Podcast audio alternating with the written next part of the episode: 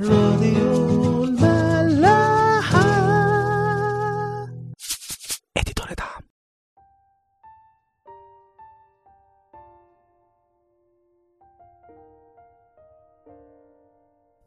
أهلا بيكم في حلقة جديدة من حلقات عيش وملح. كنا اتكلمنا الحلقتين اللي فاتوا عن وعد ربنا لشعبه بأن ملاك هيمشي قدامهم يرشدهم ويحفظهم وإنه هيبارك في الخبز والمية بتاعتهم ويشيل المرض من وسطهم ويديلهم سلطان وهيبة على أعدائهم. وقلنا إن ربنا كان بيكلم شعبه زمان بطريقة مادية وبيديلهم حاجات محسوسة عشان دي اللي كانوا بيفهموها وقتها. ربنا دلوقتي بيكلمنا بالروح. إدانا الروح القدس هو اللي بيرشدنا ويحفظنا وإدالنا جسده ودمه اللي بيدونا حياة أبدية. وزي ما ربنا كان بيشفي الأمراض الجسدية زمان ويدي نصرة على الأعداء هو دلوقتي بيشفي أمراضنا الروحية والنفسية. ويديلنا نصرة على أعدائنا الروحية اللي هم إبليس وجنوده.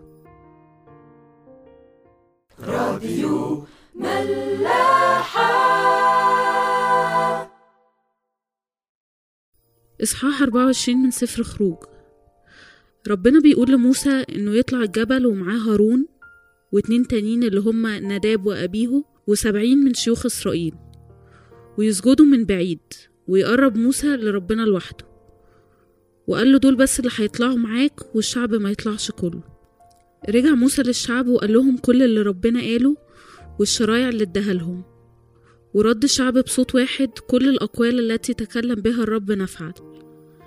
بعدها موسى كتب الكلام ده وبنى مسبح لربنا تحت الجبل و12 عمود إشارة ل 12 سبط.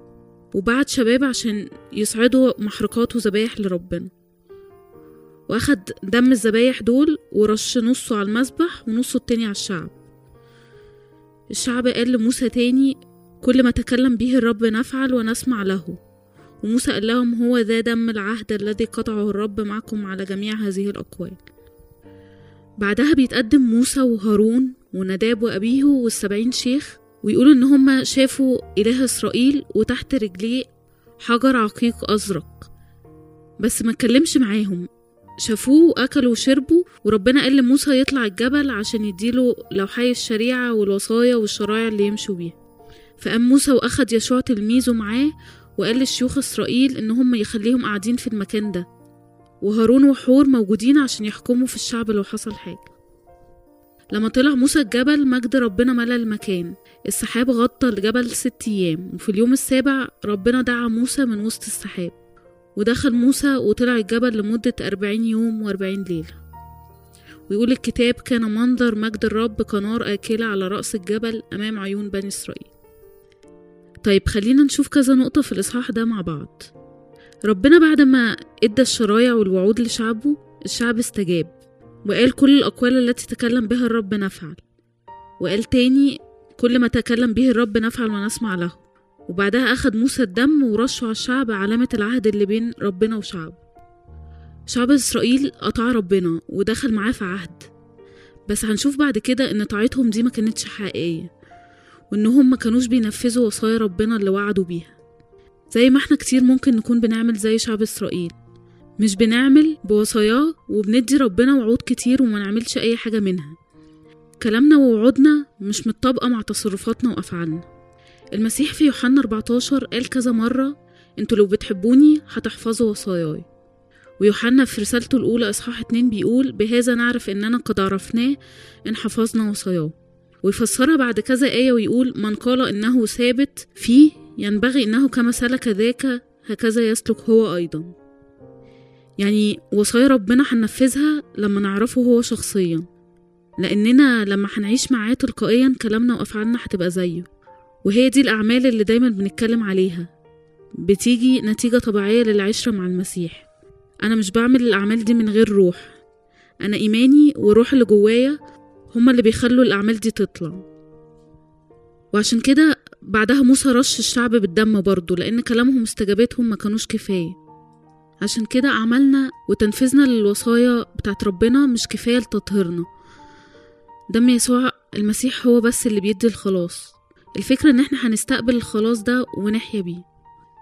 بيقول في عبرانيين عشرة فإذ لنا أيها الإخوة ثقة بالدخول إلى الأقداس بدم يسوع طريقا كرسه لنا حديثا حيا بالحجاب أي جسده وكاهن عظيم على بيت الله لنتقدم بقلب صادق في يقين الإيمان مرشوشة قلوبنا من ضمير شرير ومغتسلة أجسادنا بماء نقي. بعد ما الشعب عمل العهد مع ربنا طلع موسى وهارون ونداب وأبيه والسبعين شيخ وشافوا إله إسرائيل وتحت رجليه عقيق أزرق. الظاهر من كتر مجد ربنا معرفوش يشوفوا أو يوصفوا أي حاجة منه إلا الحاجة اللي كان واقف عليها. إحنا كمان ممكن ما نكونش مكونين صورة كاملة عن ربنا دلوقتي. كل اللي بنشوفه منه وكل الأعمال اللي بيتمجد فيها معانا حاجة بسيطة جدا منه ومن مجده. انعكاس بس لشخصه. في كورنثوس الأولى إصحاح 13 بيقول لأننا نعلم بعض العلم ونتنبأ بعض التنبؤ ولكن متى جاء الكامل فحينئذ يبطل ما هو بعض. وبعدها بشوية بيقول فإننا ننظر في مرآة في لغز حينئذ وجها لوجه الآن أعرف بعض المعرفة لكن حينئذ سأعرف كما عرفت. في آخر الإصحاح بيقول إن موسى أخد يشوع تلميذه معاه. خلى هارون ونداب وأبيه والشيوخ مكانهم يقضوا للشعب لغاية ما هو ينزل. واضح إن موسى ما كانش بيشتغل لوحده مع ربنا. كان في واحد تاني قاعد مراقب وبيتعلم كل حاجة معاه. هنشوف بعد كده في سفر يشوع إن يشوع ده هو اللي كان امتداد لموسى. هو اللي قاد شعب إسرائيل بعد موت موسى ودخل بيهم أرض الموعد. وربنا اتمجد جدا في حياته وخلاه ينتصر هو وشعب إسرائيل على شعوب كتيرة قابلته عشان كده الأب أو المرشد الناجح بتعرفه من ثمره من التلاميذ والخدام اللي بيقدمهم للكنيسة. وده بيبان أكتر لما الشخص ده بيكون ماسك خدمة معينة ويسافر أو ينتقل للسما. هل كان سايب حد وراه يكمل الرسالة والدعوة؟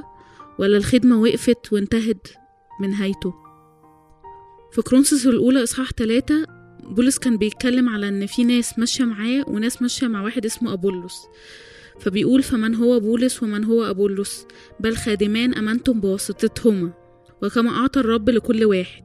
أنا غرست وأبولس سقى لكن الله كان ينمي. إذ ليس الغارس شيئا ولا الساقي بل الله الذي ينمي. والغارس والساقي هما واحد ولكن كل واحد سيأخذ أجرته بحسب تعبه. فإننا نحن عاملان مع الله وأنتم فلاحة الله بناء الله.